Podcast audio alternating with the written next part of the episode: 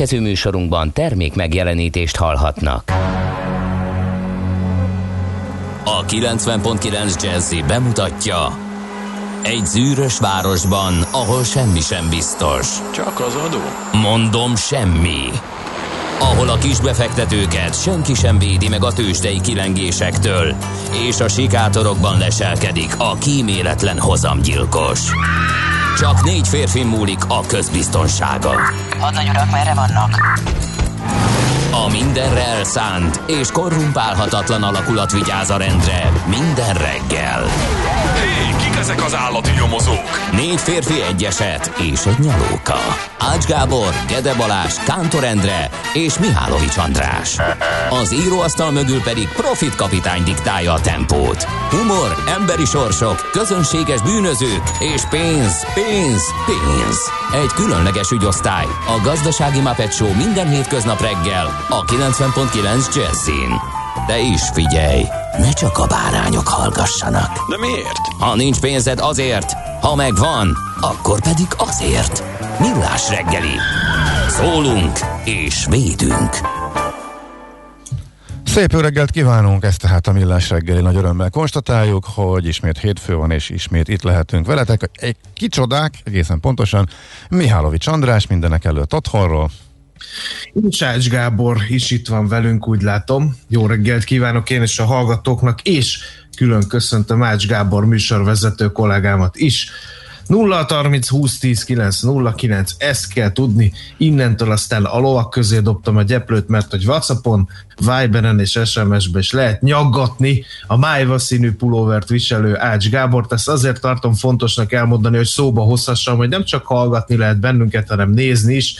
És ma az egyik vizuális elem, amivel készültünk, az Ács Gábor pulóvere.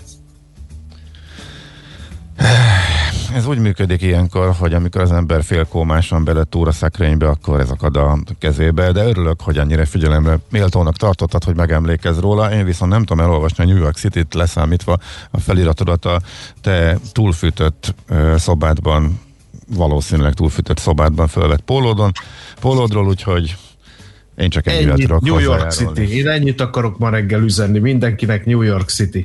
Itt is nagyon meleg volt, viszont egy olyan kellemes szellőztetést lehetett csapni nagyon rövid idő alatt, mert hogy nagyon hideg van kint, úgyhogy pillanatok alatt ki lehetett a, meg lehetett oldani a szellőztetést. Egyébként a hallgatók is írják, eh, didergős jó reggelt kartársak, hétfőhöz méltóan erős forgalmi viszonyok között lehet közlekedni Gödről Pestre minden szakaszon. A Szerencs utcai lámpánál tapasztalható kisebb torlódás miatt 29 perc a menetidő zuglóherőn a mezőre jelenleg délkartás szerint. Ugye pont múlt héten e, észrevételeztük, hogy egyszer befutott egy 21, hogy nem emlékeztünk, hogy valaha is sikerült egyessel kezdődőre levinnie. Ezek szerint, ezek szerint ez a 29, ez egy kifejezetten e, rossz idő, tehát e, dugós idő. Sőt, egy hallgató azzal indított e, 6 óra 8 perckor, hogy dugó a Hungárián reggel 6-kor. Úgyhogy a szokásosnál is jobban várjuk az SMS-eket. És ebben a pillanatban Monornál baleset a négyesen, ha jól látom. Úgyhogy, hú, nincs eső, van egy kis hideg, de messze a fagytól, tehát attól nem kell félni, hogy vizetfolyások eh, legyenek, bár valami kis talajmentit ígértek nekünk, de az úgy tűnik, hogy nem a főváros Mhm. környevetében van, de azért csak nagyon óvatosan, viszont a forgalom az ezek szerint jóval nagyobb az eddig megszokottnál, ezt mindenképp vegyétek figyelembe. Isten éltesse a nándorokat. A Nagy László, ő használja ezt? Tehát gratuláljunk hozzá? Igen, igen, ha, igen, ha bosszantani akarjuk, akkor szoktuk nándizni, igen. Jó. Tehát akkor kedves Nándi, Isten éltessen téged is, illetve valamennyi Nándor hallgatónkat, mert nevük napja van ma. Gáborkám, nem tudhattad, de a hétvégén iszonyú nagy eh, küzdelem dúlt Facebook oldalunkon, ugyanis négy jelentős ütközet is esik a mai napra, október 19-ére. Én nem bíztam semmit a véletlenre, megszavaztattam a drága hallgatókat, és igen, parázs vita alakult ki üzenő falunkon, hogy a rómaiak punok ellen vívott utolsó nagy ütközetét, a zámai csatát, 1448-ban Hunyadi János vereségét Rigó mezőnél, a Yorktowni csatát a britek és az amerikaiak között, Napóleon legyőzését Lipcsénél, vagy a debreceni tankcsatát 1944-ből. Erről beszéljek a ma napi csata rovatunkban, és örömmel konstatálhatom kérlek szépen, hogy majdnem 150 szavazat jött, és ezek egyharmada 55 szavazat egészen pontosan, ha Rigó mezőre vonatkozik, tehát elsőprő többséggel. Rigó mezőről fogok mindjárt beszélni. Na, nincs idő egyikre se, úgyhogy ezt rövidre zárhatjuk szerintem, nem, és nem, akkor elmarad az egész. Mit szólsz hozzá? Nem maradhat el. Ennyi hallgatót nem lehet figyelmen kívül hagyni, öngyilkosság lenne. Úgyhogy gyorsan... Ezért csináltad ezt az egészet, hogy sarokba szoríthass, és meglegyen a hivatkozási alapod a napi csatarovatra. Értem. Ördögöd van. Ördögöd van. Na jó, hátradőlök, no. halljuk azt a rigómezőt. Mondjuk el, és utána a születésnaposok? Vagy Nem, vagy, vagy. Ezzel kilőtted a születésnap. A születésnaposokat Jó, nagyon... a születésnaposokat.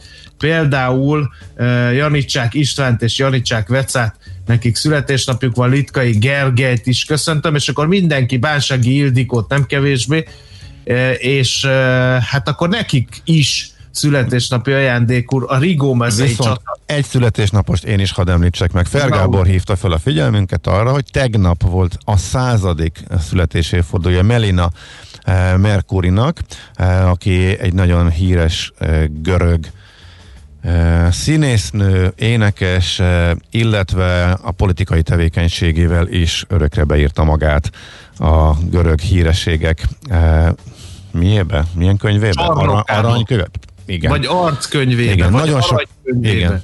nagyon sokáig kulturális miniszter volt, emigrációba kényszerült, eh, amikor a katonai eh, hát mondhatjuk diktatúra volt eh, hatalmon, és amikor a görög demokrácia visszaállt 70, nem, 74 ott talán az a, az időszak onnantól kezdve egyik legelismertebb politikus volt, és nagyon sokáig kulturális miniszter, és amikor meghalt 70 valahány éves korában, akkor is még kulturális miniszterként működött, úgyhogy köszönjük szépen Felgábornak, hogy fölhívta rá is a figyelmet, száz éve született tehát.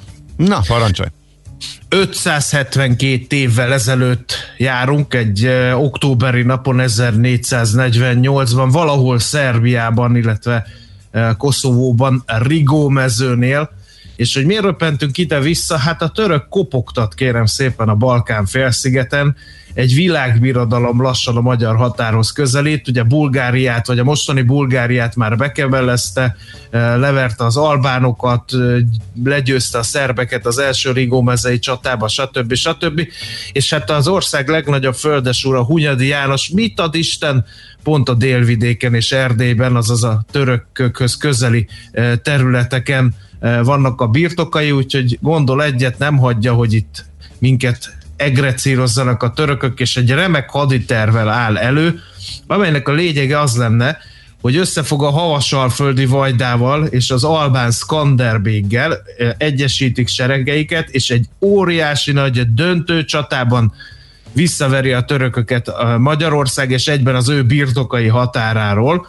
Egyetlen kavics van csak a cipőben, ez Brankovics György despota, akit eh, néhány évvel korábban hát Hunyadi eh, nemes úrhoz nem illő módon cserbe hagyott legutóbbi hadjáratánál, úgyhogy Brankovics György kicsit neheztel a mi Hunyadi Jánosunkra, és hát természetesen neheztel rá a második Murát szultán is, úgyhogy nyilván ő mindent elkövet azért, hogy Hunyadinak ez a remek haditerve, ez nem működjön. Mit csinál jó hadvezérhez méltó a Murát szultán? Hát nem várja, amelyik még egyesülnek a az albán és a magyar seregek, hanem összegyűjti az oszmán birodalom teljes haderejét, még egyszer mondom, a teljes haderejét, és hát, hát hogyan, hogyan?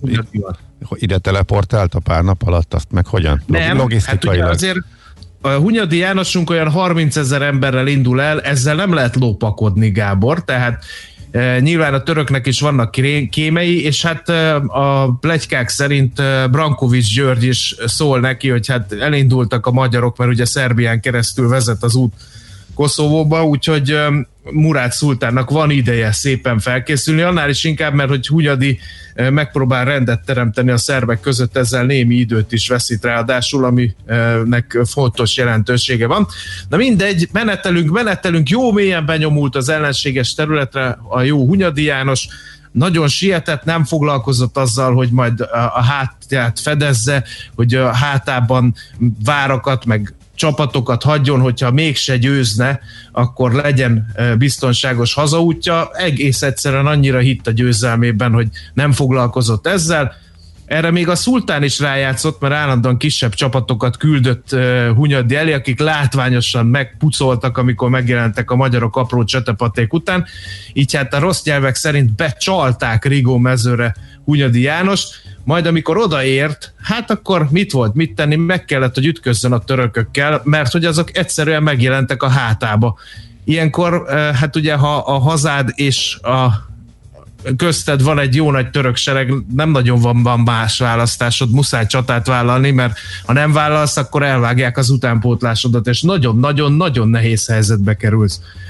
Néhány szó a csatatérről, ez egy ilyen fensík, amelyet olyan kékestető nagyságú hegyek határolnak, de nem e, sík e, ez az egész, mert egy folyó is megy rajta keresztül, és ilyen apró dombok vannak, és a legnagyobb sík, ilyen lapályos rész, ami csata lerendezésére alkalmas, az az északi részén található, amelyen egy domb van, ennek egy stratégiai fontosságú domb van, úgyhogy ezért rögtön az elején a csatának kialakul egy küzdelem, szerencsére ezt mi nyerjük, és hát Hunyadi ennek a domnak a tetején állítja fel a hadseregét. A következő hadrendben mondtam már, hogy olyan 30 ezeren vagyunk, a dom tetejére csinál szekerekből egy ilyen várat, jól megtüzdeli ágyukkal, meg mindenféle puskákkal, előtte odaáll 15 ezer jó páncélos nehéz lovasával, ezeket úgy kell elképzelni, mint a hagyományos lovagi seregeket, tehát jó sok páncél van a lovon is, meg az embereken is, mögöttük 5000 gyalogos, ennek majd elmondom, hogy mi a jelentősége, és a bal szárnyon magyar és havasalföldi lovasok vannak, meg a jobb szárnyon is,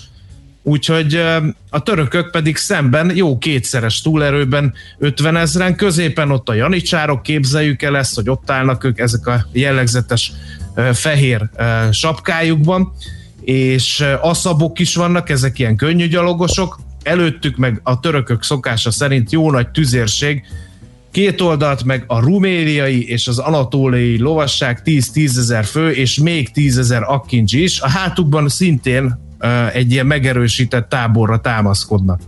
No, és akkor így érkeztünk el a csata pillanatáig, és hát a, itt megoszlanak a vélemények, hogy hogy zajlott ez az egész, de valahogy úgy kell elképzelni, hogy a két szárnyon lévő magyar lovasság neki rongyol a másik két szárnyon lévő török lovasságnak, akik színlelten megfutamodást játszanak el, hát ugye ezt ismerjük, mert a magyarok is űzték ezt annak idején a honfoglaláskor, de hát ugye elönti őket a harci dű, a magyar lovasokat mennek utánuk, egész addig még el nem szakadnak a főseregtől, és hát utána, kérem szépen, ezek a törökök nem általnak a hátukba kerülni, úgyhogy elszakadnak teljesen a, a magyar főseregtől, és hát gyakorlatilag ezt látva, mármint a kezdeti sikereket, hogy nézd már milyen jól megy a két szárnyon ez a lovasroham, Hunyadi is támad ezzel a vasfallal, de hát a janicsárok nagyon jól kiképzett és nagyon gyakorlott katonák, úgyhogy így szépen utat engednek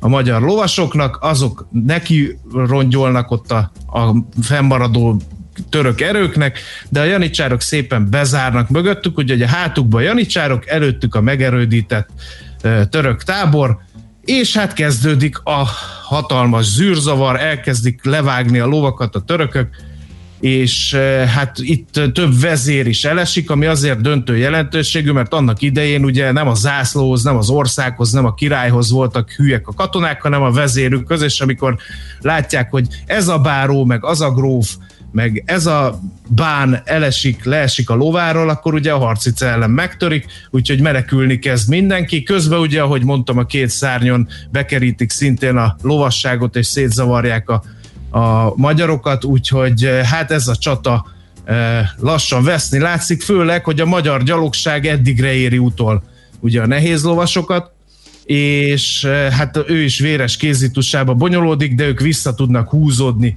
a Szekérvárba. Így ér véget a csata első napja, hát nem tűnik döntetlennek, inkább a törökök felé lejt a pálya, de aztán a törökök a Szekérvárba visszaszorult magyarokat sem hagyják elmenekülni, hanem másnap bekerítik a szekértábort, és az ott lévőket az utolsó emberig levágják. Magáról Hunyadi Jánosról keveset lehet tudni, annyit, hogy később a szerbek elfogják, ebből valószínűsíthető, hogy már az első nap végén, tehát nem várta meg, még bekerítik a Szekérvárba, hanem már az első nap végén elmenekül a, a, a csata helyszínéről.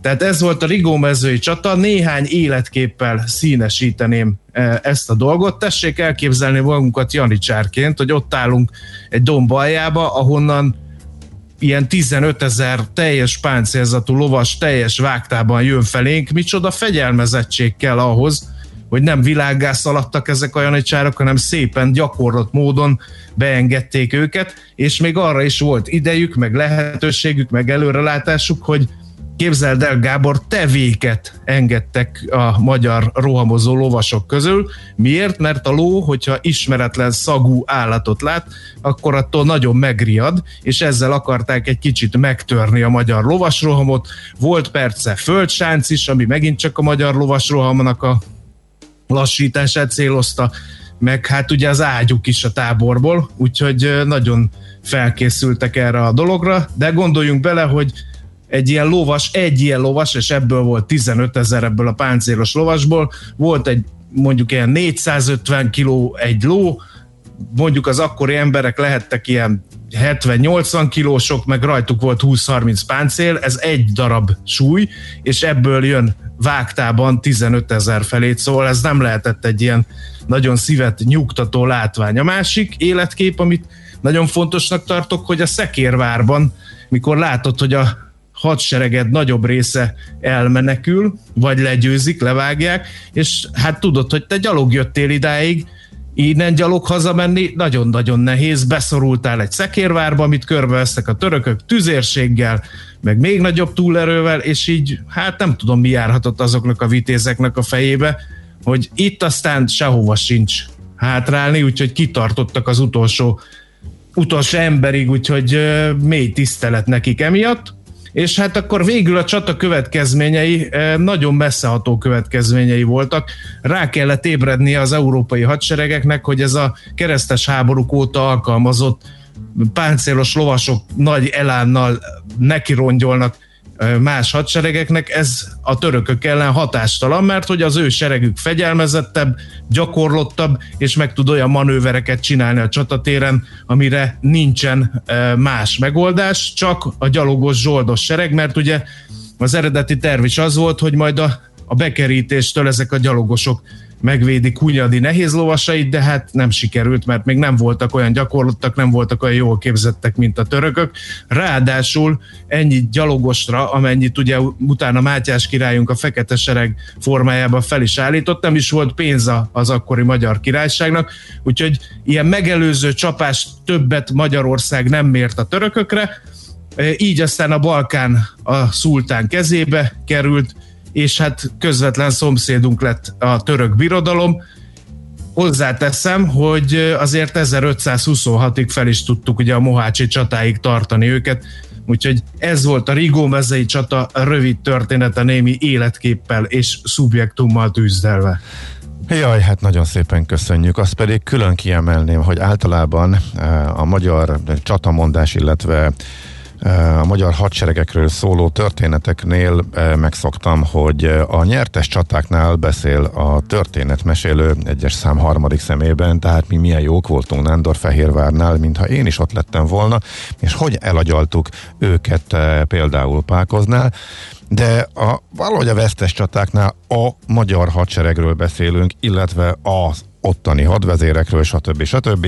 Te viszont együttérző voltál, és bevetetted a mi kezdetű mondatokat, abszolút, most többes szám, többes szám első szemét is, egy ilyen csatánál is, úgyhogy ezt külön hadd emeljem ki, piros pontként elismerésem jeleként. Kicsit foltot ejtettem Hunyadinak a Nimbuszán, mert ugye elég meggondolatlan volt, amikor mélyen beatolt az ellenséges területre, és elég meggondolatlanul ott is hagyta a seregét. Jó, nyilván egy fontos szemét, mert ugye akkor kigyőzött volna Nándor Fehérvárnál, ha ő mondjuk kitart a Szekérvárba az utolsó emberig heroisztikus módon, de hogy azért ebből is látjuk, hogy Hunyadi is ember volt, fennmaradtak források, hogy nagyon le is nézte az ellenfeleit, hogy á, ezek csak koszos pogányok, majd elfenekeljük őket, hát nem így történt, úgyhogy Na jó. Rigó mezőnél még nem. Így történt az, hogy Mackó kollega két rovat idejét is eldomálta egyszerre, illetve nem tudom, van nagyon-nagyon rapid lapszemlét tudunk majd tartani, a zene után összevontan a tőzsdei beszámolóval, úgyhogy haladunk is gyorsan most tovább.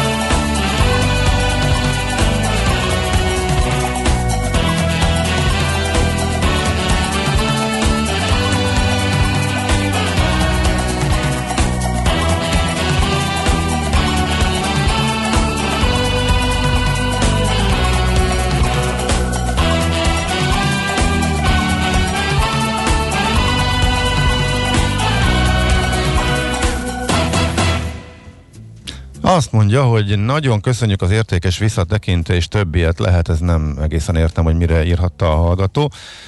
Ja, oda van írva, hogy tisztelet Maci kollégának, így már kapizsgálom. Na jó, azt mondja, napi csotáért másztam ki az ágyból. Na, hagyjuk szerintem ezt szerintem. Jó, nem, köszönjük szépen.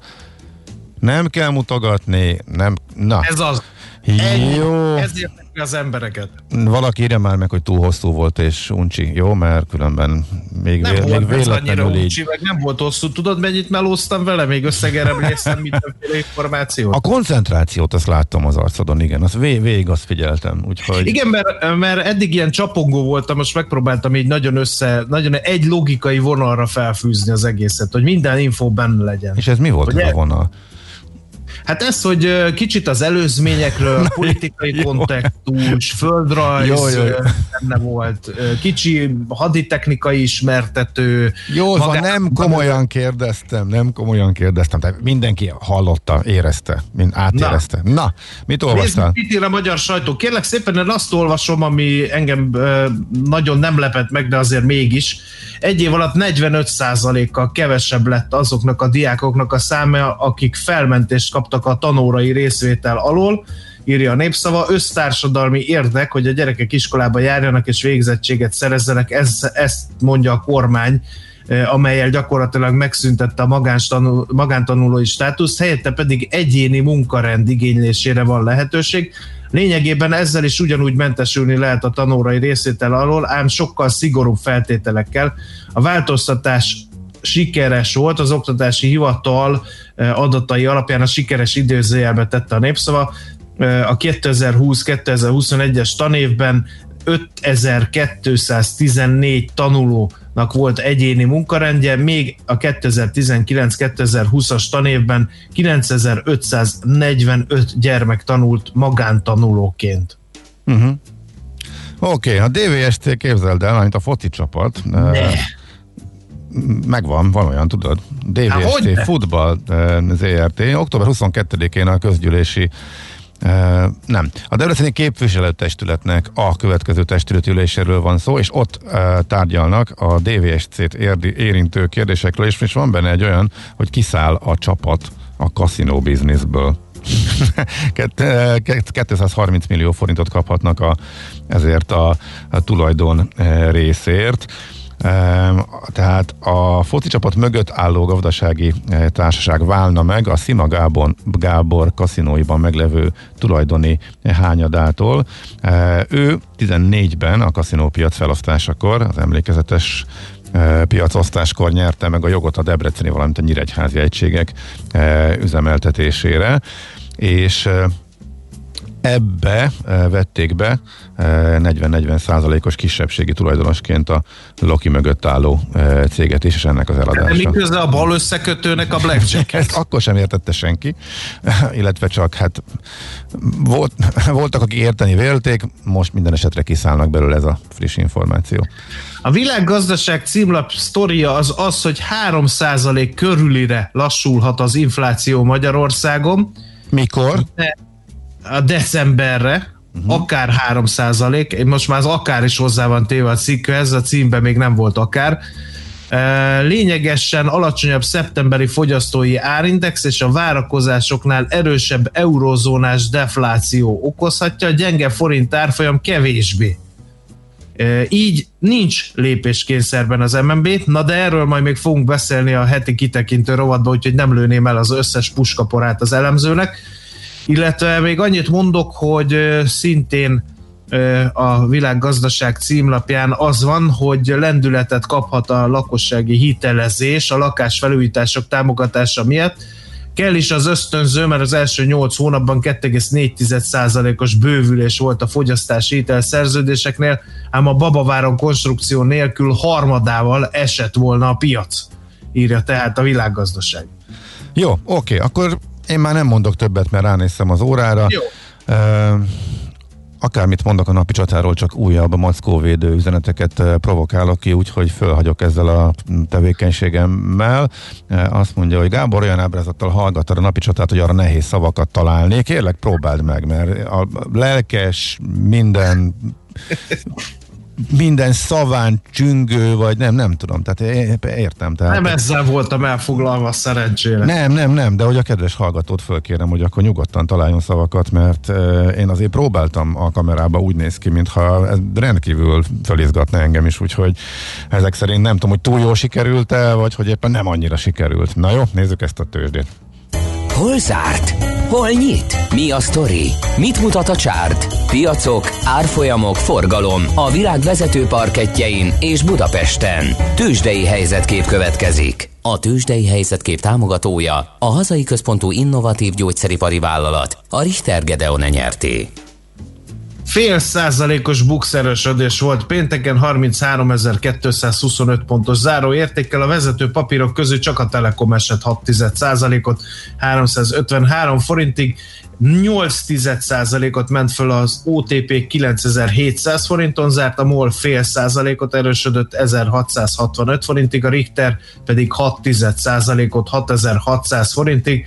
Nézem, az alsóházban volt-e valami érdekes. A cikk Pannóniának volt még értelmezhető forgalomban elég rossz napja, 3,1%-ot ment lefelé az árfolyama, és hát a vesztesek táborát gyarapítja még mondjuk a értelmezhető forgalomban, de már az sem túl nagy és túl acélos. A Nutex 2,3%-os mínusszal, úgyhogy te jössz Gábor. Jó uncsi nap volt pénteken, úgyhogy nem érdemes annyira sokat beszélni róla. Dow Jones kicsit föl, főleg azért, mert a Pfizer jó teljesítményt nyújtott, 4%-ot emelkedett, mert hogy azt jelentette be, hogy a koronavírus gyógyszere egy, hogy is volt ez valamilyen gyorsított eljárásba kaphat engedélyt akár már november végére, vagy valami ilyesmi lényeg az, hogy ennek örültek a befektetők, aztán mi volt még, a Boeing is 2%-ot emelkedett, Caterpillar két és felet, úgyhogy ezért az ipari szektor összességében jól szerepelt, viszont visszaadták kicsit a technológiát, az idei év nyertesét, kicsit módosultak itt, tehát az arányok ettől még nagyon durván túl teljesítő ez a szektor, de 30% ugye plusz a Nasdaq-ben, az S&P most 8%-ban van, a Dow Jones-nál meg azért Érdekes ez a kis emelkedés, mert így a mínusz nullából plusz nullába sikerült átvergődnie magát, már mi az éves teljesítményt mutatja, de a korábbi napokhoz képest ez, ez nem volt egy túl izgalmas nap, tehát a mínusz 0,2-ből plusz 0,2-be az ipari index, úgyhogy most pedig már kis pluszban vannak az előrejelző mutatók is így reggel. Európában most már így az elmúlt napokban azért érezhetően rosszabb a hangulat, mert Amerikában nem foglalkoznak a vírusadatokkal, Európában igen, tehát a most, hogy már egyre több országban komolyabb intézkedéseket hoznak, és fölmerül ismét a gazdasági hatás az, hogy ez már visszahathat, a korlátozó intézkedések visszahathatnak a gazdasági növekedésre, meg a cégek teljesítményére. Ez már az európai kereskedésben az elmúlt napokban benne volt, és lehet, hogy benne lesz most is, mert a hétvégén is jöttek ezzel kapcsolatos hírek.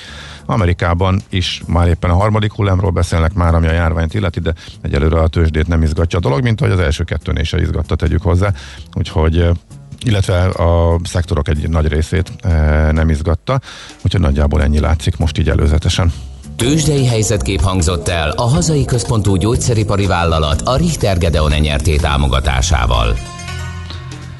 Képzeld el, Gábor, hogy Szoller Andi fog ma híreket mondani, aki szerintem, ha hogy így magam elé képzelem, egy jó vastag bolyhos pulóverbe és egy nem kevésbé bolyhos pokrozba csavarva készítette el a hírblokkot, mert már korán reggel panaszkodott nekem arról, hogy nulla fok van. Nulla fok ott, ahol ő él. Hú, hát tényleg? Ez... Hú, én meg Igen. itt megnyugtatom a hallgatókat, hogy, hogy nem lehetnek lefagyások, mert hogy azért még pluszban maradtunk, hogy akkor ezt gyorsan e, módosítanám, hogy még sokkal óvatosabban közlekedjünk, mint amit javasoltunk, ettől függetlenül is a műsor elején. És fogadjuk szeretettel Czoller kollégén a hírcsokrát. Műsorunkban termék megjelenítést hallhattak. New York, London, Hongkong, Budapest. Tősdei helyzetkép a legfrissebb árfolyamokkal, zárási adatokkal, kibocsátói hírekkel, a millás reggeliben minden hétköznap reggel 6 óra 50 perckor. Long vagy short, Mika vagy medve. A tőzsdei helyzetkép támogatója, a hazai központú innovatív gyógyszeripari vállalat, a Richter Gedeon nyerté. Reklám. Csádi születésnapi koncert október 29-én Budapesten a Momkultban.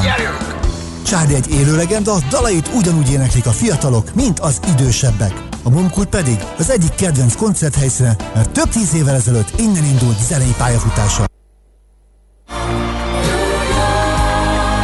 Charlie szülinapi koncert október 29-én a MOM Kulturális Központban már az új lemez dalaival is. Sztár vendégek Tóth Vera, Nika és Szolnoki Peti. A koncertet a hatályos egészségügyi előírások betartásával tartjuk. Jegyek kaphatók a momkult.jegy.hu oldalon és a helyszínen. Reklámot hallottak. Hírek a 90.9 Jazzin. Több ponton is módosítaná a Magyar Orvosi Kamara az új egészségügyi törvényt. Nem szabad belefáradnunk a koronavírus járvány kezelésébe. Több francia nagyvárosban is tízezrek emlékeztek a pénteken meggyilkolt tanárra. Eleinte még előbukkanhat a nap, de délután mindenütt megjelennek a felhők, és kisebb eső is lehet. A mostani mínusz 1 plusz 5 fok után 10-17 fok valószínű. Jó reggelt kívánok, Szoller Andrea vagyok. Négyes karambol történt az M4-esen Monor térségében. Két kamion és két személyautó ütközött össze a felhajtónál a Budapest felé vezető irányban. A forgalom egy sávon halad, hatalmas dugó várható. A Magyar Orvosi Kamara este közzétette javaslatait a munkaszerződéstől eltérő foglalkoztatással és az összeférhetetlenséggel kapcsolatban.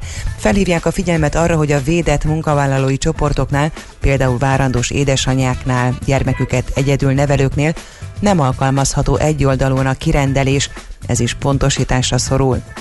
A MOG szerint indokolt lenne akár törvényben is rögzíteni azokat a konkrét szempontokat és munkavállalói érdekeket, amelyekhez igazodva a munkáltató elrendelheti a kirendeléseket. Azt is javasolják, hogy ezeket plusz kirendelési díjjal ismeri el a kormányzat az orvosok számára. Az összeférhetetlenség kapcsán javasolják például, hogy ne tagadhassák meg az engedély kiadását olyan tevékenységre, amely az adott intézmény működésével nem összeférhetetlen, vagy olyan egészségügyi tevékenységre, amit az adott intézmény nem folytat. Nem szabad belefáradnunk a koronavírus járvány kezelésébe, figyelmeztetett az országos tisztifőorvos. Müller Cecilia a közrádióban azt mondta, legalább annyi van még előttünk, mint amennyi mögöttünk. Az utóbbi héten szerte a világban megugrott az új fertőzöttek száma, és Magyarországon is napról napra egyre több a beteg és a halálos áldozat is. Budapest főpolgármestere szerint a koronavírus járvány gazdasági hatásait kezelő Európai Uniós pénzekről helyi népszavazások útján kellene dönteni. Javaslata szerint az uniós segélyalap legalább felét az önkormányzatok kapják meg lakosság szám arányosan. Karácsony Gergely a Szabad Városok nevű szervezet online rendezvényén több vidéki településvezetővel közösen bejelentette, a helyi testületek novemberben írhatnak ki népszavazásokat az uniós források helyes felhasználása érdekében, a jövő év tavaszán pedig nagyjából egy időben meg is tarthatják ezeket a referendumokat. Magyarország 2500 milliárd forintos plusz forráshoz jut az uniós segélyalapból. Panaszkodás helyett inkább a koronavírus járvány negatív hatásainak enyhítésével kellene törődnie Karácsony Gergelynek, így reagálta a Hír TV-nek a Fidesz EP képviselője a főpolgármester javaslatára. Dajcs Tamás szerint Budapest vezetése eddig nem vette ki a részét a védekezésből. Több francia nagyvárosban is tízezrek emlékeztek a pénteken meggyilkolt tanárra. A tömeg tanár vagyok és szólásszabadság, tanítási szabadság táblák alatt csendben hajtott fejet a 47 éves Samuel Peti emléke előtt. Többen a Mohamed karikatúrákat tartották magasba. Hasonló megemlékezést tartottak Toulouse-ban, Lille-ben, Lyonban és Nizzában is. A középiskolai történelemtanárt egy menekült státuszt kapott, moszkvai születésű csecsen iszlamista késsel megölt és lefejezett, amiért Mohamed karikatúrákat mutatott diákjainak a szólás szabadságról tartott óráján. Délelőtt még több helyen kisüthet a nap, de délután nyugat felől megnövekszik a felhőzet, és néhol gyenge eső is előfordulhat. Kora reggel mínusz 1 plusz 5, délután 10-17 fokot mérhetünk. A hírszerkesztőt Szoller Andrát hallották. Friss hírek legközelebb fél óra múlva. Budapest legfrissebb közlekedési hírei a 90.9 Jazzin a City Taxi Dispécsejétől. Jó reggelt kívánok a kedves hallgatóknak így hétfő reggel, amikor is már érezhetően erősödik a forgalom a városban is és a bevezető utakon is. Még mindig sárgán villognak a jelzőlámpák a Szilágyi Erzsébet Fasol útra, út Városmajor utca csomópontban, ami ma reggel már biztos, hogy nagyobb torlódást fog okozni. Taruzás miatt útszükület lassítja a közlekedést a 11. kerületben a Kelenhegyi úton lefelé a Kemenes utca előtt. Péntek óta Múzeum körúton az Asztoriánál a Deák Ferenc tér felé egy sáv járható, ami napközben jelentősen lassítja a közlekedést. A Hungária körúton, a Kőbányai út és a Magyaródi út között az Árpád híd felé van már torlódás, és az M3-ason befelé már sűrűsödik a kocsisor az m 0 Baleset történt Kispesten az Adi Endre úton a Vasgereben utcánál. Köszönöm szépen a figyelmüket, vezessenek óvatosan további jó utat kívánok!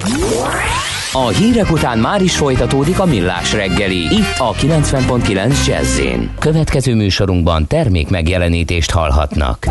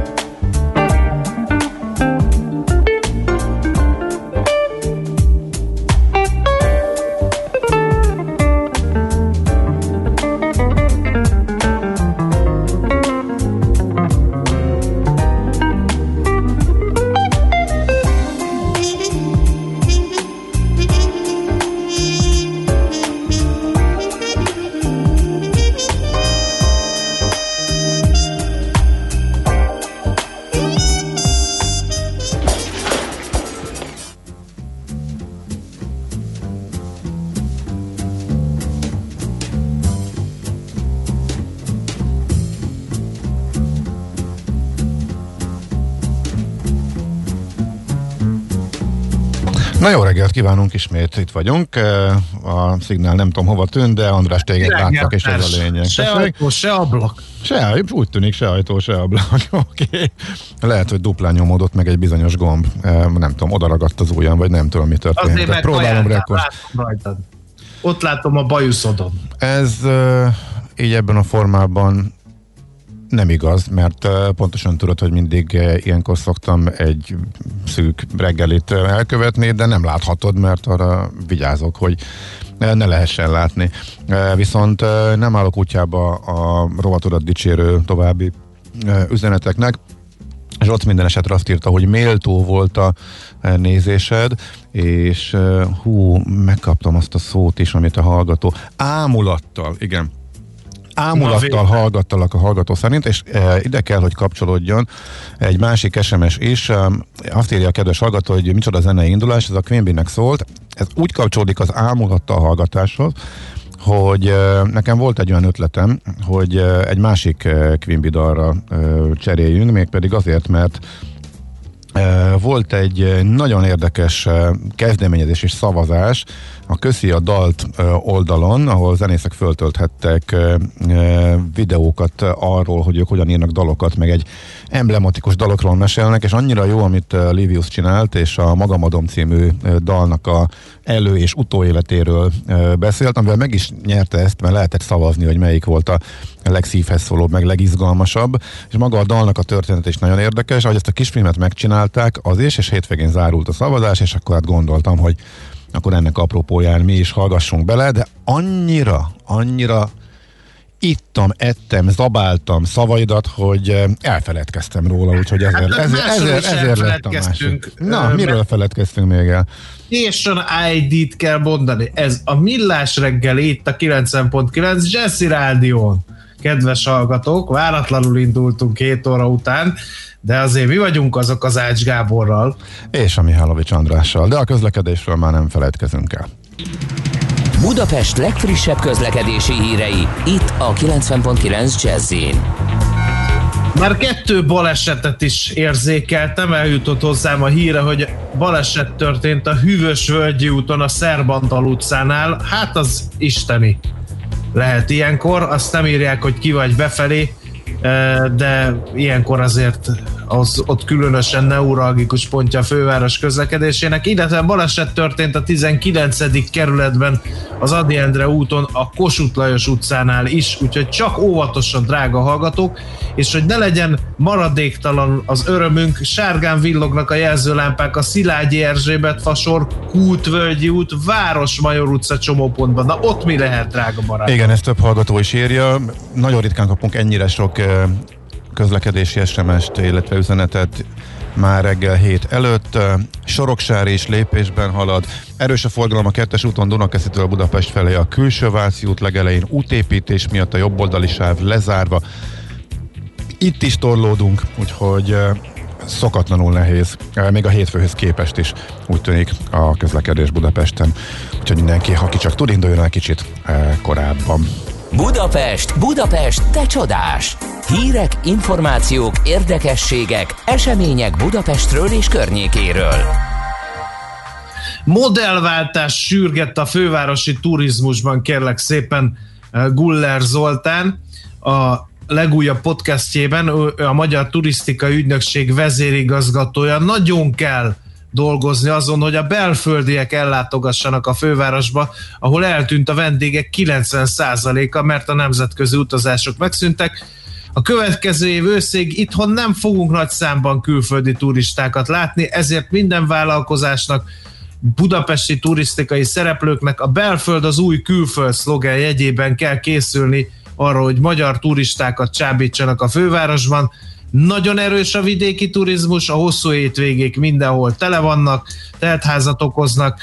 Budapestnek viszont el kell gondolkozni azon, hogy most kell akció, most kell program, most kell koncepció, mert modellváltás nélkül ezt nem fogja túlélni a budapesti turizmus. Minden erőnkkel a hazai turistákra kell koncentrálni, ösztönözni az embereket, hogy járjanak éttermekbe, keressék fel a fürdőket, lássák, nézzék meg az ország különböző szegleteit.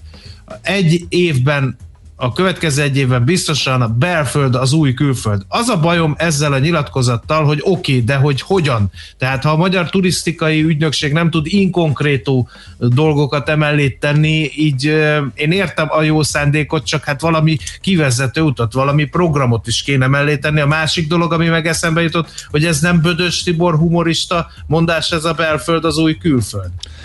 Nem tudom, de az nagyon vicces. Erre az a fiatal című jelenetében, mintha valami, valami elhangzott Figyelj, volna. Az ügynökségnek a dolga lenne e, ezt intézni és koordinálni, és mint, mint most átpasszolta volna a labdát e, Budapestnek, aki amúgy is eléggé, nagy, sőt, nagyon nehéz helyzetben van, épp pontosan tisztában van ezzel. E, számos akciót már tavasz óta erre bonyolított, de láthatólag nem hagyja meg a magyar turistákat, mert a szokásos vidéki turizmusban érdekelt és népszerű helyekre látogatnak ők el, úgyhogy voltak itt, már mi is beszéltünk róla ebben a rovatban is többször is kedvezményes kártyák, lehetőségek, csomagok, minden. Tehát most azt mondom, hogy el kéne kezdeni azon, mert jövő igazából nem igazán értem. Miközben a turizmus ügynökség Budapesttel kapcsolatban éppen nem nagyon láttuk, hogy bármit is csinált volna. Irgalmatlan pénzeket osztogatnak ugye mindenféle hotelfelújításokra, de akkor mondjuk nem lehetne abból ide is tenni? Tehát én az egészet nem értem. Szóval furcsa ez a nyilatkozat mindenképpen. Viszont az egy egyértelmű és tök jó hír, hogy az összes tártvavillamosra lehet bringát fölrakni mostantól, illetve ezt hétvégén vezették be. Volt egy hosszabb teszt időszak a budai fonódó hálózatnak a egyes szerelvényeire, piktogrammal megjelölt szerelvényeire lehetett fölpakolni a bringákat, most már az összesre. 140 villamos kocsin volt eddig ez a piktogram, és most már 320 kocsira növelték ezt, tehát érdemes nézni egyébként. Hát nagyjából ezeken a vonalakon, ahol mondjuk vegyesen járnak a a többféle villamos típus, akkor ott érdemes nézni, hogy melyik a nem alacsony padlós, az lesz a tátra, mármint a bringásoknak, hogyha tényleg fel akarják rakni a cangát de ezzel most már az a, a, egy több olyan vonalon is, ahol eddig erre nem volt lehetőség, és ahol még nézni sem kell, mert, szint, mert csak kizárólag tátrák járnak, például a 12-es, 14-esen egészen a Káposztás megyedik, tehát, illetve Kőbányán túl is, ugye a 28-ason, ez uh, ott jó lehetőség, hogy uh, a bringát föl lehessen pattintani és kicsit begyorsítani. Talán többen élnek majd ezzel a lehetőséggel, többen közlekednek kerékpárról ennek És ha már bringa, akkor elkezdik építeni a Budapest-Balaton kerékpárút Budapest egyek szakaszán belül a Biatorbágyon áthaladó szakaszt, 295 millió forint nettóért a Kolasz útépítőipari ZRT, és a nyomvonal vitákat kiválta, ugyanakkor a bringások által már nagyon várt 2,2 kilométeres kétirányú közlekedésre alkalmas szakasz fejlesztésének a sportkerékpárosok örülhetnek. A Budapestet Balatonnal összekötő 120 kilométeres kerékpárútnak ez, a, ez csak egy kisebb szakaszám, a bringás turizmus fejlesztését szorgalmazó Kerékpáros Magyarország Szövetség szerint ez sem elhanyagolható. Úgyhogy ez még egy bringás sír így a fővárosi blokk végére. Nekünk a Gellért hegy a Himalája. A Millás reggeli fővárossal és környékével foglalkozó robata hangzott el.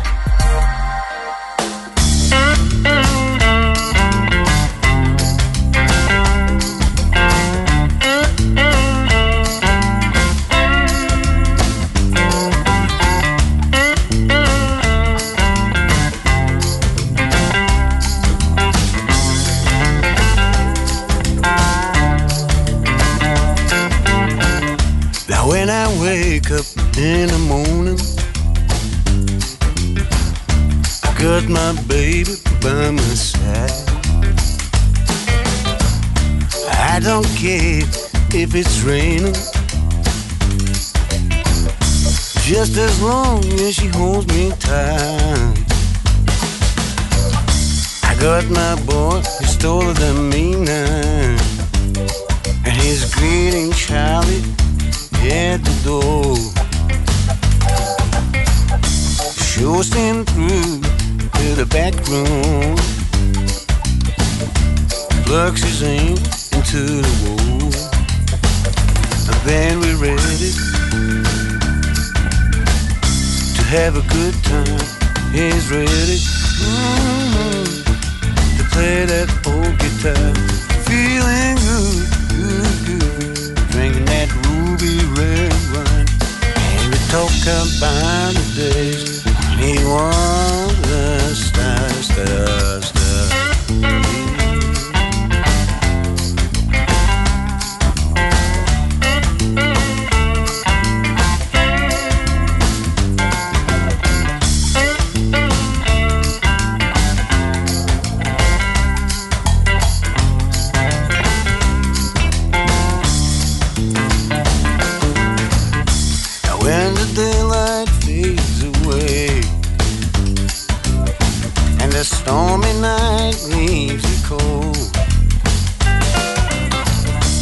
Gonna sit down in the back room.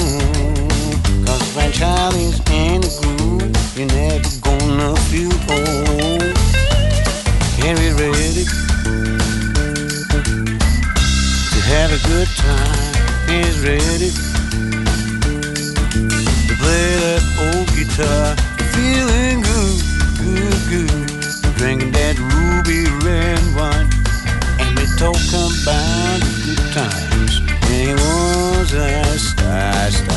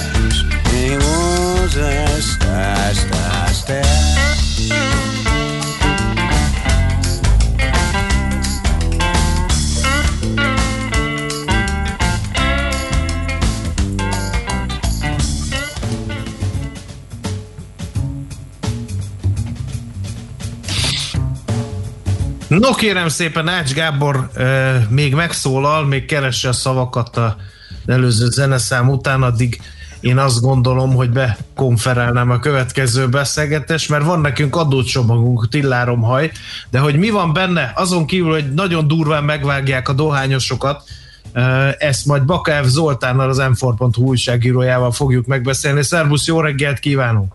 Jó reggelt, üdvözlöm a hallgatókat.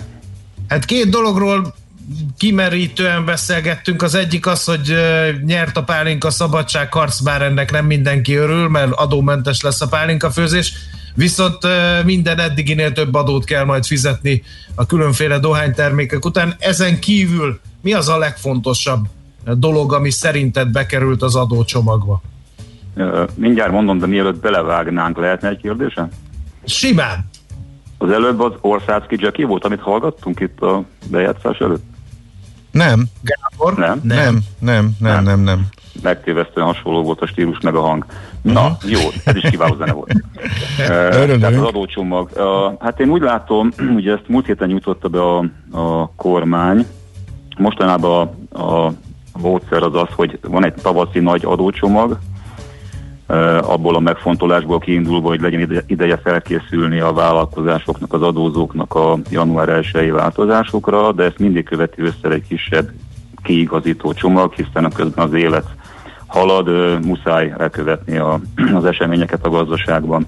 Ez egy ilyen lekövető, kiegészítő csomag, ami azt jelenti, hogy nincsen nagy költségvetési hatása, nem rendez át nagy pénzeket a költségvetésen belül, apró tételeken módosítanak. Ennek a fő csapás irányát én most abból látom, hogy, hogy a, mm, a vállalkozások életét megkönnyítő intézkedéseket próbáltak bele pakolni ebbe a csomagba. Gondolok itt például az egyablakos áfa bevallási rendszer kiteljesítésére. Ide sorolom adminisztratíve az önkormányzati helyi adókat érintő módosításokat is, bár emögött azért kőkemény politikai szándékokat is föl lehet fedezni. Meg ennek arról talán annyira az önkormányzatok nem örülnek ennek a könnyítésnek, hogy idézőjelbe téve a könnyítés. Ugye itt az a történet, és csak röviden összefoglalva, hogy a járványhelyzetre hivatkozva a kormány a központi költségvetésbe elvonta már a gépjárműadó teljes összegét, ez eddig megosztott volt a költségvetés és az önkormányzatok között, ezt most teljes mértékben magához vonta a kormány, ez így lesz 2021-ben is. E, logikusnak tűnik, hogy az ezzel kapcsolatos bevallási, befizetési, adminisztrációs teendőket, és akkor vegye át a NAV, a Nemzeti Adó és Vámhivatal a helyi kis adóhatóságoktól. Ugyanezt a lépést foglalja magában a csomag az iparűzési adó esetében is, tehát ott is a, az, az ügyintézés mhm. része is átkerül központi szintre.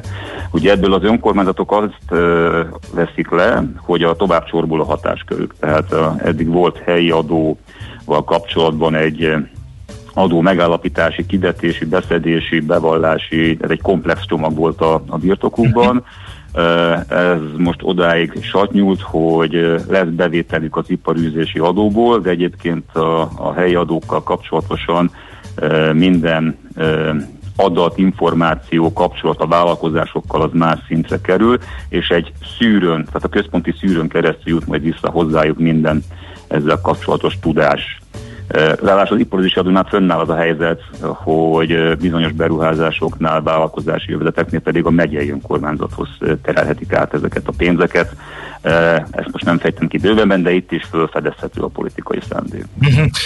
Kata ügyben van-e valami fejlemény ebben az adócsomagban? Hát az a hír, hogy nincs hír Kata ügyben, ugye ez egy ez egy elég mondjuk váratlanak nem mondanám, mert azért lehetett rá számítani, egy elég drasztikus beavatkozás a kisadózó, ez a tételes vállalkozások, vagy tételes, tételesen adózó vállalkozások életébe. E, itt is a tavaszi-nyári adócsomag rendelkezett arról, hogy szigorítják a feltételeket, e, alacsonyabb e, bevételi határnál léptetik már be az úgynevezett büntetőadót, arra is figyelnek, hogy több vállalkozásban ne legyen ne lehessen ö, katás a vállalkozó, szóval szűkítik itt is a mozgásteret. E, erre van ö, racionális magyarázat, kétségtelenül, tehát kicsit eldurvult a mhm. helyzet a katáspiacon, olyanok is elkezdték ö, nagy számban használni, ahol nem lett volna ez mondjuk indokolt szemben mondjuk a, a alkalmazotti jogviszonyjal.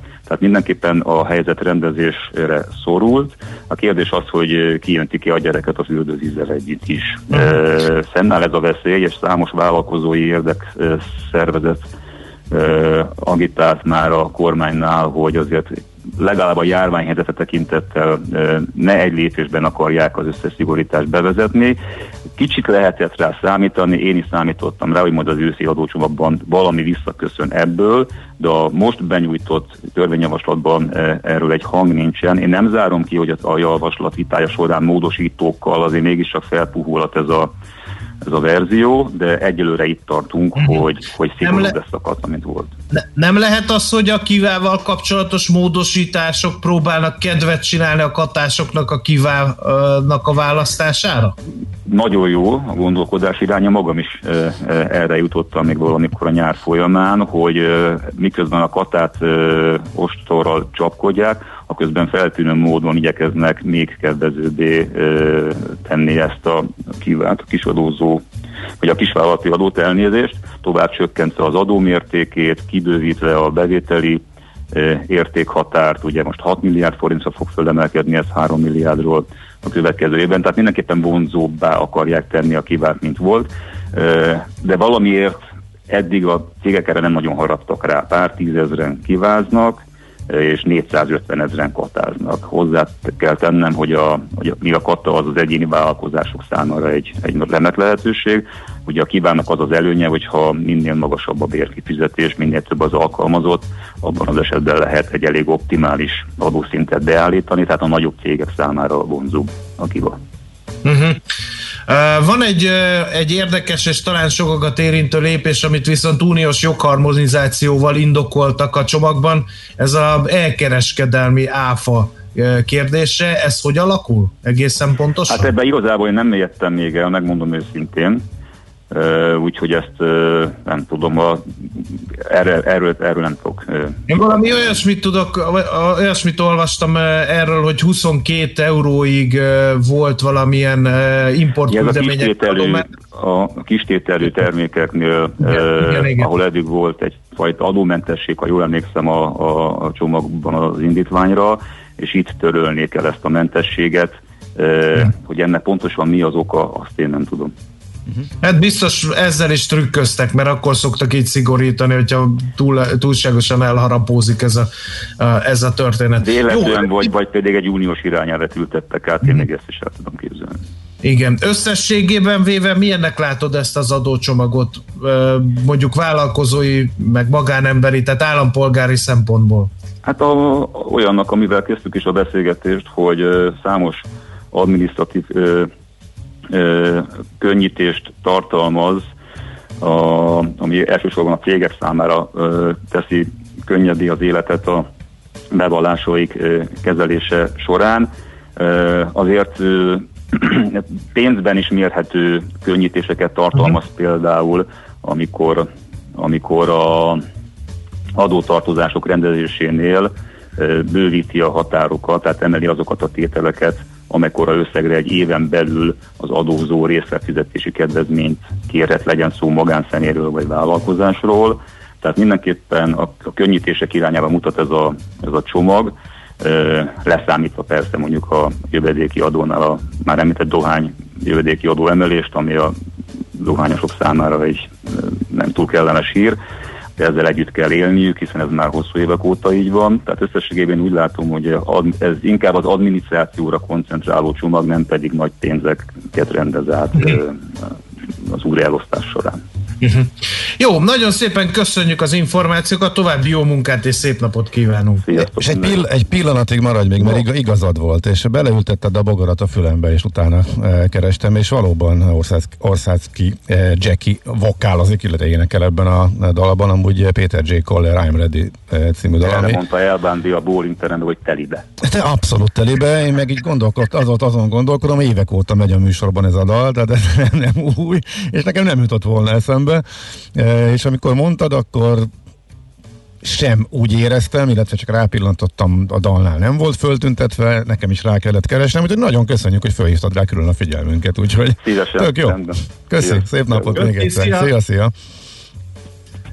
Bakaev Zoltánnal beszélgettünk az őszi adócsomagról, ő az m4.hu újságírója. Most az órára pillantva azt hiszem, hogy rövid hírek jönnek a reklám után, aztán pedig heti kitekintőben feladjuk a leckét Kovács Mihálynak, az OTP elemzési központ elemzőjének, hogy ahogy így gyengül a forint, viszont kedvezőek az inflációs kilátások, ahogy hallottuk a lapszemlében, mit fog lépni az MNB, mert kamat döntő ülése lesz a héten. Műsorunkban termék megjelenítést hallhattak. A mozgás motivál, serkenti a gondolkodást és fiatalít. Aki mozog, az boldog ember és kevésbé stresszes. Hallgasd a Millás reggeli mozgáskultúra rovatát minden pénteken reggel fél kilenc után pár perccel, és értesülj lehetőségekről, versenyekről, edzésekről, családi sportprogramokról. Épp testben. A Millás reggeli mozgáskultúra rovatának támogatója a Magyar Víz Kft. A Primavera ásványvíz forgalmazója. A frissítés egy pohár vízzel kezdődik. Reklám, céges energiafogyasztás, energetikai tudnivalók, teendők és döntések. Tudni akarod, hogyan lehet hatékonyabb a céged? Fontos lenne, hogy pazarlás helyett a megtakarításon legyen a hangsúly. Tudj meg többet az energiahatékonysági megoldásokról. Minden kedden reggel 3.48-kor a Millás reggeliben. A Cég Energia Robot támogatója az Alteo csoport. Alteo.hu. Energiában gondolkodunk. A Gino Rossi minimalista reklámját hallgatod. Minimalista, ahogyan az új Gino Rossi kollekció is. Precízen megtervezett, letisztult formák, igazi designer modellek. Gino Rossi a CCC üzletekben, online és az applikációban. A fény fontos része életünknek, ezért a mesterséges világítást is érdemes körültekintően kialakítanunk környezetünkben. Mi a Lumenetnél minden nap azon dolgozunk, hogy olyan autó, lakás és irodavilágítási termékeket kínáljunk, amelyek a legigényesebb elvárásoknak is megfelelnek. Látogasson el most a lumenet.hu per Jazzy oldalra az extra kedvezményért. Prémium világítás technikai termékek, könnyed vásárlás, professzionális kiszolgálás. Lumenet. A világítás itt kezdődik. Reklámot hallottak. Rövid hírek a 90.9 Jazzin. Négyes karamból történt az M4-esen Monor térségében. Két kamion és két személyautó ütközött össze a felhajtónál. A Budapest felé vezető irányban a forgalom egy sávon halad, hatalmas dugó várható. Megérkezett Budapestre a külügy által vásárolt áruszállító repülőgép, a szélestörzsű Airbus polgári Lajstrom jelet kapott, ezzel egyszerűbb a szükséges leszállási és útvonal engedélyek megszerzése, főként a távol-keleti országok esetében, mintha a katonai repülőgép lenne, hívta fel a figyelmet az Airportál. A külügyi tárca korábban a koronavírus járványjal indokolta a repülő beszerzését, mert így biztosítható, hogy a jövőben a védekezéshez szükséges eszköz időben megérkezzen az országba. A vételárat a minisztérium nem közölte. Jókorát változik az online bankkártyás fizetés, hívja fel a figyelmet az énpénzen.hu. A tavaly elhalasztott erős ügyfélhitelesítés 2021. januárjától válik kötelezővé, kellhet például egy biometrikus azonosításra alkalmas mobileszközre letöltött applikáció. A konkrét technikai megvalósítások egyediek, bankonként eltérőek lehetnek, mondta a portál megkeresésére a jegybank. Már van olyan bank, amely biztosítja a tranzakció jóváhagyásához a kártya kibocsátó bank oldalára történő átirányítás lehetőségét és egyedi SMS kód küldését, aminek beírásával megtörténhet az egyik hitelesítés, továbbá egy mobileszközön tokenizált hitelesítési jelen felhasználható második faktorként. Medvét láttak a Miskolci önkormányzati rendészet kamerái vasárnap hajnalban. A közlemény szerint nem sokkal hajnali 3 egy előtt tűnt fel az állat a Jukó völgybe vezető utcán, majd a villamos síneken haladt a város felé. Később visszafordult, végül eltűnt a kamera látószögéből. A Miskolci önkormányzat arra kérte a polgárőrséget és az önkormányzati rendészet munkatársait, hogy a területen járőrözve fokozottan hívják fel a környéken élők figyelmét az esetleges veszélyekre. Ma 10 órakor kezdődik a jegyértékesítés a Ferencváros hazai labdarúgó bajnokok ligája mérkőzéseire. Első körben azok a megújított szezonbérlettel rendelkező szurkolók vásárolhatnak, akik a tavaszi zárt kapus bajnokik után nem kértek visszatérítést, Utánuk az egyéb szezonbérletesek következnek, de közülük is csak azok, akik a sorsolás pillanatáig vettek bérletet. Mindezek után vehetnek belépőt a szurkolói kártyás drukkerek, valamint azon szezonbérletesek, akik a sorsolás után vásároltak bérletet. Donald Trump meglebegtette, hogy ha kikap a novemberi elnökválasztáson, akkor elhagyja az Egyesült Államokat, írja a Business Insiderre hivatkozva a vg.hu. A regráló amerikai elnök többször gúnyolódott ellenfele Joe Biden kampányán, és hozzátette, elég szégyenletes lenne, ha veszítene a volt alelnök ellen. Közben a New York Times arról számolt be, hogy Biden nem csak a közvéleménykutatásokban előzi Trumpot, hanem a kampányköltségek terén is elhúzott. A demokrata jelölt rekordot jelentő 383 millió dollár gyűjtött össze eddig, szemben Trump 247 milliójával. Délelőtt még több helyen kisüthet a nap, de délután nyugat felől megnövekszik a felhőzet, és néhol gyenge eső is előfordulhat. Délután 10-17 fokot mérhetünk. A hírszerkesztőt Czoller Andrát hallották, friss hírek legközelebb fél óra múlva. Budapest legfrissebb közlekedési hírei, itt a 90.9 jazz a fővárosban baleset történt a Hűvösvölgyi úton a Szerbantal utcánál. A 129-es autóbusz terelve közlekedik, nem érinti a Tárogató a Szent Ferenc kórház, a Bölöni György utca Széher a Széher út 16 és a Budenz út megállót. Baleset nehezíti a közlekedést a 19. kerületben az Adi Endre úton a Kossuth Lajos utcánál. Lassú a haladás az M1-es és az M7-es autópálya közös bevezető szakaszán a Gazdagréti felhajtótól és tovább a Budaörsi úton, a 11-es főúton a Pünköstfürdő utcánál befelé, az M3-as autópálya bevezető szakaszán a Szerencs utca előtt, valamint az M5-ös autópályán a Határútnál. Erős a forgalom a Hungária körúton a Kerepesi útnál mindkét irányban, a Kerepesi úton és a Tököli úton a Hungária körút előtt, a Pesti út külső szakaszán, a Maglódi úton és a Jászberényi úton befelé az éles sarok előtt, valamint az őrsvezértere környékén. Zsúfoltság van a Budai alsó rakparton a Tímár utca vonalától déli irányban és a Rákóczi hídtól észak felé, a Pesti alsó rakparton az Erzsébet hídnál észak irányban, valamint a Budakeszi úton és a Hűvösvölgyi úton a városközpont irányában. Nemesszegi Dániel, BKK Info. A hírek után már is folytatódik a millás reggeli. Itt a 90.9 jazz Következő műsorunkban termék megjelenítést hallhatnak.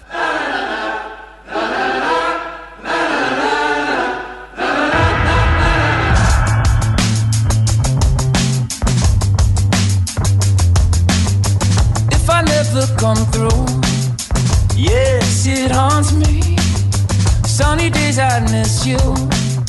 Yes, it haunts me. First you see it, then you feel it. Now I'm caught and we're making our own thing. Now I'm following you out to the coast. If I never come through, if I never come through, don't tell me I lost a step. Crisscrossed in the wrong direction. Found myself in a conversation from a missed connection. My eyes in the right direction. Find myself in a conversation from a missed connection.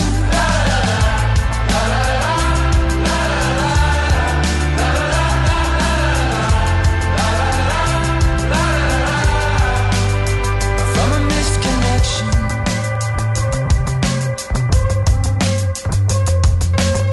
I lost myself in this maze. Yes, it haunts me. Felt it slipping sideways. Yes, it haunts me. But I see it and I feel it in my soul. Is there something I'm missing? Should I follow this wherever it goes? I will always come through. I will always come through.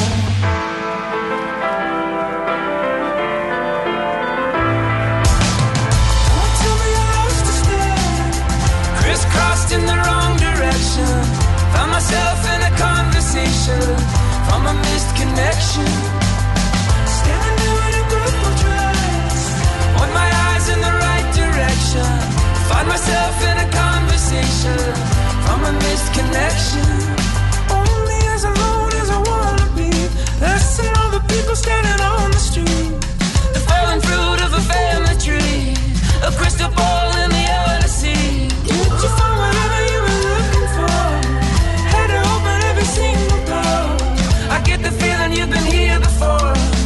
From a missed connection. Don't tell me lost a step. Crisscrossed in the wrong direction. Found myself in a conversation. From a missed connection. Standing in a purple dress. Want my eyes in the right direction. Find myself in a conversation. From a missed connection.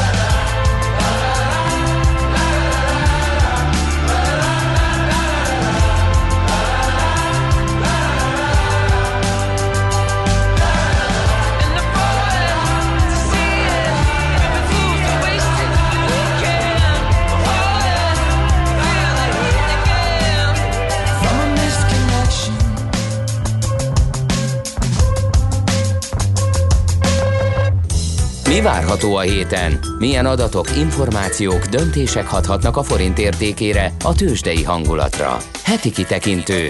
A millás reggeli szakértői előrejelzése a héten várható fontos eseményekről a piacok tükrében.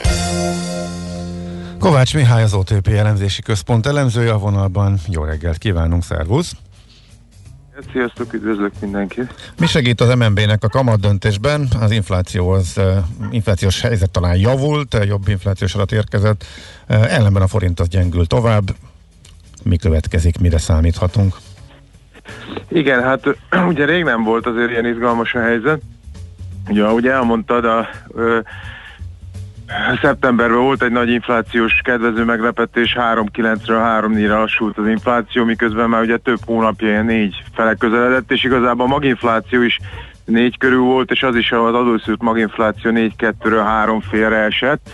Ugye ez is jól mutatja, hogy ilyen nagy meglepetések vannak, hogy itt a koronavírus miatt az árazásban a szokásos szezonalitás eléggé megváltozott.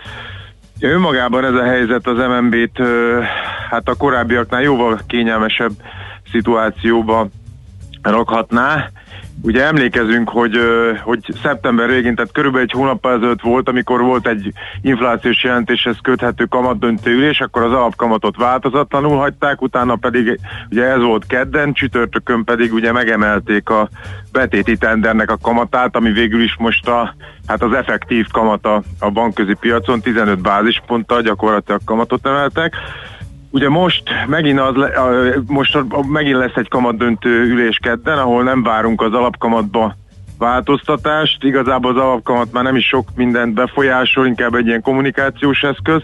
Ugye kérdés, hogy a közleményben hogyan értékelik a, a vártnál a csöbb inflációt, ez őket is meglepte, illetve hát Más oldalról kíváncsian várjuk, hogy itt a különösen a csütörtöki betéti tenderen mi lesz a, a betét, heti betéti tendernek a kamata. Egyébként alapesetben itt sem várunk változtatást, ugye itt az inflációról beszéltem, az kedvezőbb lett, ugyanakkor a forint azért a múlt héten elég szépen gyengült, tehát megközelített az ilyen 366-367-es ö, ö, szinteket, ami ugye hát megint csak egy olyan szint, ami egy hónappal ezelőtt volt, amikor ez a 15 bázispontos betéti kamatemelés volt. Ugye egy kicsit annyiban más a helyzet most, hogy, hogy akkor ö, jobban magyar specifikus volt a gyengülés, most talán jobban régiós, ugye itt a vírus helyzetnek a romlása, leginkább ugye Csehországban a legdrasztikusabb ez most, ez azért nem tesz jót a, a régiónak, de hát ugye sehol sem kedvező ez a ez a vírus tendencia igazából. Uh-huh. Úgyhogy egész hét izgalmas lesz ilyen szempontból. Mondd, András. Ha választani kell az infláció és a forint gyengülés megállítása között, akkor egyáltalán kényszerülhet-e ilyen választásra a jegybank, és ha igen, akkor melyik lehet neki talán a fontosabb? Hát nyilvánvaló, hogy, hogy, hogy alapvetően tendenciájában az inflációra ö, figyel, de azért az már többször kiderült, hogy az ilyen nagyon hirtelen nagy gyengüléseket, főleg az utóbbi idő nem, nem, nem szereti a, a, a jegybank, úgyhogy ö, éppen azért nem várnánk most a múltkorihoz hasonló betéti uh-huh. kamatemelést, mert, mert azért az inflációs kép az kedvező. Viszont ugye az van, hogy itt a technikai képnél 367-et, hogyha átmeri a forint, akkor akár lehet egy további gyengülés, tehát itt ugye a piacon is azért ezeket figyelik. Ö, alapvetően az infláció az, ami meg kellene, hogy határozza a, viselkedését. Uh-huh. Oké, okay. a héten uh, szolgáltató szektor uh, BMI lesz az euróövezetben, ami talán még érdekes, de miért? És szolgáltató szektor és egyébként feldolgozóipari BMI is, ugye ezek októberi adatok, és az euróövezet USA-ra is lesz, ugye az euróövezetben uh, azért érdekes a, a helyzet, hát ez már pont a közepe a negyedik negyedévnek, és ugye már szeptemberben a szolgáltató szektor BMI-je az 50 pont alá esett, tehát már a zsugorodást jelezte, és egyébként most a piac egy további kisebb esést vár, tehát ugye itt a legújabb koronavírus fejlemények, lezárások Olaszország, Franciaország, stb. fényében azért ez, ez akár a vártnál jobban is romolhat, és igazából Ugye ezek az indikátorok azért fontosak, mert uh, uh, vannak ezek a GDP előrejelzések, amit még például az euróövezetre ugye az LKB is kiadott, hogy idén olyan 8% körül visszaesést vár, jövőre viszont egy ilyen 5-6%-os visszapattanást. Na most ha a negyedik negyedév a növekedésbe gyatrára sikerülne, hogy Isten ugye mínuszos is lesz negyedév per negyedév alapon, akkor ezek már nagyon nagy részt a jövő évi növekedési előrejelzéseket rontják, tehát ilyen szempontból ezeket érdemes figyelni, hogy az a, az a kép, hogy itt egy gyors kilábalás várható az idei nagyon gyatra év után, az, az azért szép lassan itt megváltozhat. Úgyhogy, hát és az USA esetében ugye ott még mindegyik a szolgáltató és a, a feldolgozóipar is 50 pont fölött van, ott nem is várunk romlást, ugye ott is van egy újabb vírus hullám, ott már harmadik, de azért ott, ott igazából ugye ilyen, ilyen, ilyen drasztikus lezárások most egyelőre nincsenek uh, jelen. Hát akkor Európa, nem, Európa megint lemarad uh, Amerikához képest, pedig ugye nem jönnek jó hírek Amerikából sem, uh, de hát akkor az USA előnybe kerülhet, nem gazdasági szempontból?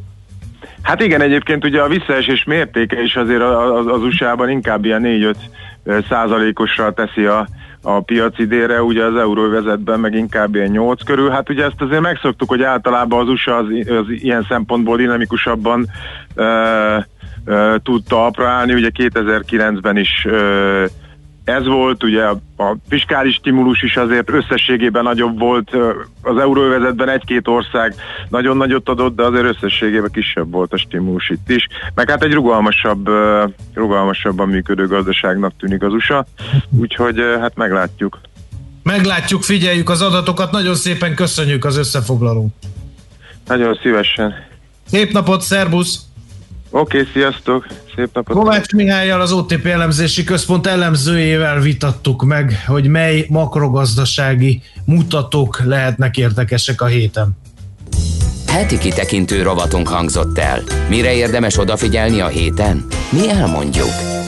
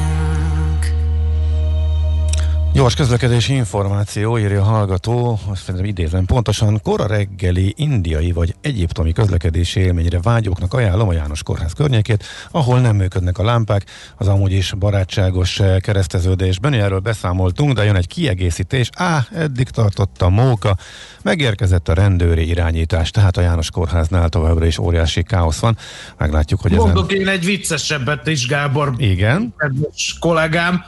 Szakaszosan lezárják a fél útpályát a Nagykovácsi úton, a Szép Juhászné út Nagyrét utca csomópont közelében, mert javítják az útburkolatot. Tehát aki most Nagykovácsiból próbál befelé araszolni a Hűvösvölgyi felé, ott jelzőlámpával fog találkozni. Hát szerintem a sor vége kb. Nagykovácsinál lehet. Ez valószínű, igen. Igen. Na, de Buda, na, témát váltunk. Pomázi Gyula, a Szellemi Tulajdon Nemzeti Hivatala elnöke a vonalban. Jó reggelt kívánunk! Jó reggelt kívánok! És arról beszélgetünk, hogy látjuk, hogy rengeteg eh, KK, K plusz F pályázat eh, van, eh, viszont eh, ennek a népszerűsége érdekelne bennünket, meg az a minősítési rendszer, ami eh, szükséges ahhoz, hogy eh, ebbe eh, részt vehessünk. Eh, Hogyan is működik ez? Nem is tudtunk róla, hogy minősítenek K plusz F programokat. Bizony, bizony minősítenek és minősítünk is. Ez a Szellemi Tulajdon Nemzeti Hivatalnak az egyik nagyon fontos feladata. És ez a minősítés alapvetően azt tisztázza, hogy ha egy cég, egy kutatóhely, egy egyetem valamilyen fejlesztést szeretne megvalósítani, Uh, akkor biztosan azt teszi el, azaz a kutatásfejlesztés innovációs törvény hatája alá tartozik az a tevékenység, amit végez. De ennek igazából nem is az a jelentősége, hogy a törvény hatája alatt végzi ezt a tevékenységet vagy sem, hanem az, amit eredményeként elméletileg ilyen értelemben is gyakorlatában is realizálni lehet, és ez pedig az, hogy adókedvezményt lehet elérni azáltal, hogy valaki K plusz F plusz I tevékenységet végez igazoltan. Másrészt pedig ugye, ahogy említették is, hogy magának a támogatási rendszernek, a támogatási programban programban való részvételnek egy nagyon fontos eleme az, hogyha valaki rendelkezik egy ilyen jellegű minősítéssel, akkor később az összes olyan erre vonatkozó ellenőrzés kapcsán már nem lehet igazából megfogni, hisz igazolt számára az, hogy ő ténylegesen ezt a tevékenységet látja. Ez a visszaélések elkerülésére van? Tehát, hogy nehogy én arra hivatkozva, hogy feltalálom a gumidominót, ezért indokolatlan adókedvezményeket vegyek igénybe, miközben a gumidominót már 40 éve feltalálták például? Tökéletesen így van. Azt gondolom, hogy ez egy nagyon fontos üzenet, az pont ez hogy hogyan lehet igazából a visszaélésmentes kutatásfejlesztés innovációhoz kötődő programokat valamilyen formában lebonyolítani. Egyrészt, másrészt pedig azért uh, rettenetesen fontos azt tisztázni, hogy mi mentén lehet különböző tevékenységekhez kapcsolódva adót visszaigényelni, és az adó visszaigénylés jelent egy olyan jellegű pluszt, ami ellenőrzés szempontjából, nyilván egy napos ellenőrzés szempontjából a későbbiekben, a követő 5-6-7 évben azért elég komoly problémákat tud okozni, hogyha valaki mondjuk ö, ö, olyan KFI tevékenységet végzett, ami nem volt feltétlen az. Uh-huh. Hogyan vizsgálják a szellemi tulajdon nemzeti hivatalánál az egyes projekteket vagy projektgazdákat? Mi projekteket minősítünk, ez azt jelenti, hogy a projektekhez kapcsolódva kell beadni hozzánk ilyen értelemben egy jelzést, egy kérelmet. Ezt a jelzést és kérelmet mi két szempontból vizsgáljuk. Egyrészt megnézzük azt, hogy a projektben lévő tevékenységek melyik eleme az, amelyik kutatásfejlesztés innováció, melyik eleme az, amelyik nem. Mentén aztán adunk ki egy határozatot. A másik minősítési szint az pedig arról szól, hogy az adott tevékenység mennyire felel meg az alapkutatás, az alkalmazott kutatás vagy a kísérleti fejlesztés kategóriáinak, és itt annak van jelentősége, hogy az adott tevékenység bármely kategóriában esve is más-más támogatás intenzitást tesz lehetővé mondjuk egy finanszírozási projektben. Alapkutatás esetén ez 100%-ot jelent, alkalmazott kutatás esetén egy ilyen 50% körüli és kísérleti fejlesztésnél egy kisebb nagyságrendű támogatás intenzitásra számolhat az, aki ilyen jellegű tevékenységet végez. Ezek ilyen átlagszámok nyilván pályázati konstrukcióktól eltérően működhetnek itt a finanszírozási elemek. És az önök hivatalában mindenhez értenek a szirikát vegyészettől az asztrofizikáig? Vagy hogyan tudják megítélni, hogy én benyújtok valamit, hogy én ezt szeretném kutatni, ezt szeretném kifejleszteni, és egy teljesen idegen terület, mondjuk a szarvasmarha bendő szonda, egy ilyen, ami már ugye létezik, ezért merek elő rukkolni vele, akkor ez van szakember a, a STNH-nál, aki ezt meg tudja vizsgálni, hogy ez tényleg novum-e? Igen, vannak értékelőink, akik gyakorlatilag ezzel foglalkoznak különböző szakmai területeken, szinte teljes mértékben lefedve a különböző szakágakat, kutatási irányokat, kutatási tématerületeket, képesek megítélni annak az újdonság tartalmát, újdonság értékét egyrészt, másrészt egy olyan jellegű metodika van már az elmúlt 60-70 évben kialakulva, amelynek igazából az a lényeg, hogy hogyan lehet megtalálni az újdonságot nemzetközi szinten, azért az újdonságkutatásban a hivatal mindig is nagyon-nagyon erős volt, illetve nagyon jól végezte a dolgát, de hogyha arra gondolok, hogy nagyon jó a viszonyunk a különböző egyetemi kutatóhálózatok, a Tudományos Akadémia szakértőrendszereivel is, meg tudunk szólítani adott helyzetben olyan akár nemzetközi, akár hazai szinten is jegyzett nagyon magas minősítéssel rendelkező szakembert, aki tud ilyen értelemben segíteni az itteni minősítő kollégáinknak. Akkor fordítsunk egyet az érmén, maguk a vállalkozások mennyire proaktívak ezen a területen, hiszen ez egy értékes visszajelzés is lehet akár arra, hogy jó úton járnak, amikor K plusz F tevékenységet végeznek. Az elmúlt időszakban azt lehet mondani, és ez nagyjából az első kilenc hónapja ennek az évnek jelentősen megugrott ez a fajta igény ami azt jelenti, hogy végre valahára elkezdte felismerni a hazai középkis vállalkozói réteg a különböző ágazatokban is. Itt leginkább az egészségipari ágazat volt az, ami nagyon erőteljes, de mellett az élelmiszeriparhoz kötődően, irodástechnikához, elektronikához kötődően eh, nagyon sok vállalkozás jelezte azt, hogy ők kutatásfejlesztés innovációs projektbe szeretnének kezdeni, és ebben segítsünk egyrészt megítélni, hogy az adott tevékenység ténylegesen az-e, egyrészt ez egy biztonsági eh, játszma is, nyilván ahogy mondtuk az elején, másrészt pedig ugye a finanszírozási oldalról is egyre többen vágnak bele abba, hogy azok a segítségek, amelyet ilyen értelemben az NKSZ, a Nemzeti Kutatásfejlesztés és Innovációs Hivatal biztosít forrásokon keresztül, az eh, elérhető és sokkal könnyebben vagy kellő biztonsággal fordítható az adott projekt ellátására. Uh-huh. Akkor az utolsó kérdés, hogyha vállalkozók ezt hallják, és most akkor úgy döntöttek, hogy ezt a minősítést ezt azért megszerzik, mert ez azért kifizető, tehát hogyan kell eljárniuk? Érdemes az sthh.hu bármelyik közösségi honlapját meglátogatni, ott uh, elég részletes információk vannak. Van egy módszertani ismertetünk, amit érdemes uh-huh. elolvasni, van egy erre vonatkozó online kiadványunk is, amely szerintem elég érthetően magyarázza, hogy mit is kell pontosan csinálni, és első lépésként nyilván össze kell állítani egy, a projektről egy elképzelést, egy tervet, leginkább arról, hogy milyen feladatokat szeretne ellátni az adott projektben az adott vállalkozás, ezt elküldeni hozzánk, és ennek uh, alapján a mi kollégáink fölveszik a kapcsolatot az adott vállalkozással, és egy ilyen iteratív, együtt gondolkodó, közösen uh, végig uh, az adott feladatokat egy minősítéssel lehet ilyen értelemben akkor megtámogatni egy ilyen fejlesztést. Uh-huh. Jó, nagyon szépen köszönjük, csupa jó hírt hallottunk, és akkor drukkolunk, sok erőt és kitartást kívánunk a munkájukhoz. Nagyon szépen köszönöm. Viszont Minden jó, viszont hallásra.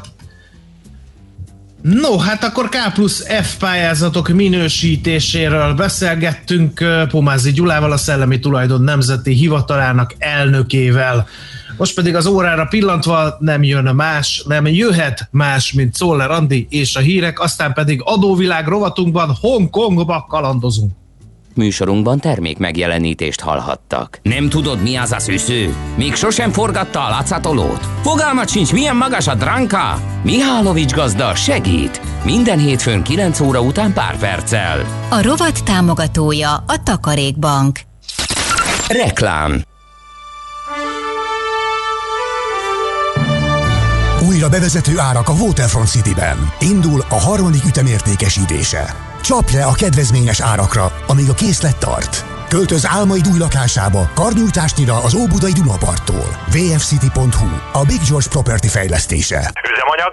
Feltöltve. Takarítás? Minden autó kitakarítva. Fertőtlenítés? Elvégezve. Maszk? Felvéve. Akkor a City Taxi indulásra kész. Rendben. A City Taxi az újraindulásban is partner. Válassza ön is a City Taxit. Hívja a City Taxi Budapest applikáción keresztül, vagy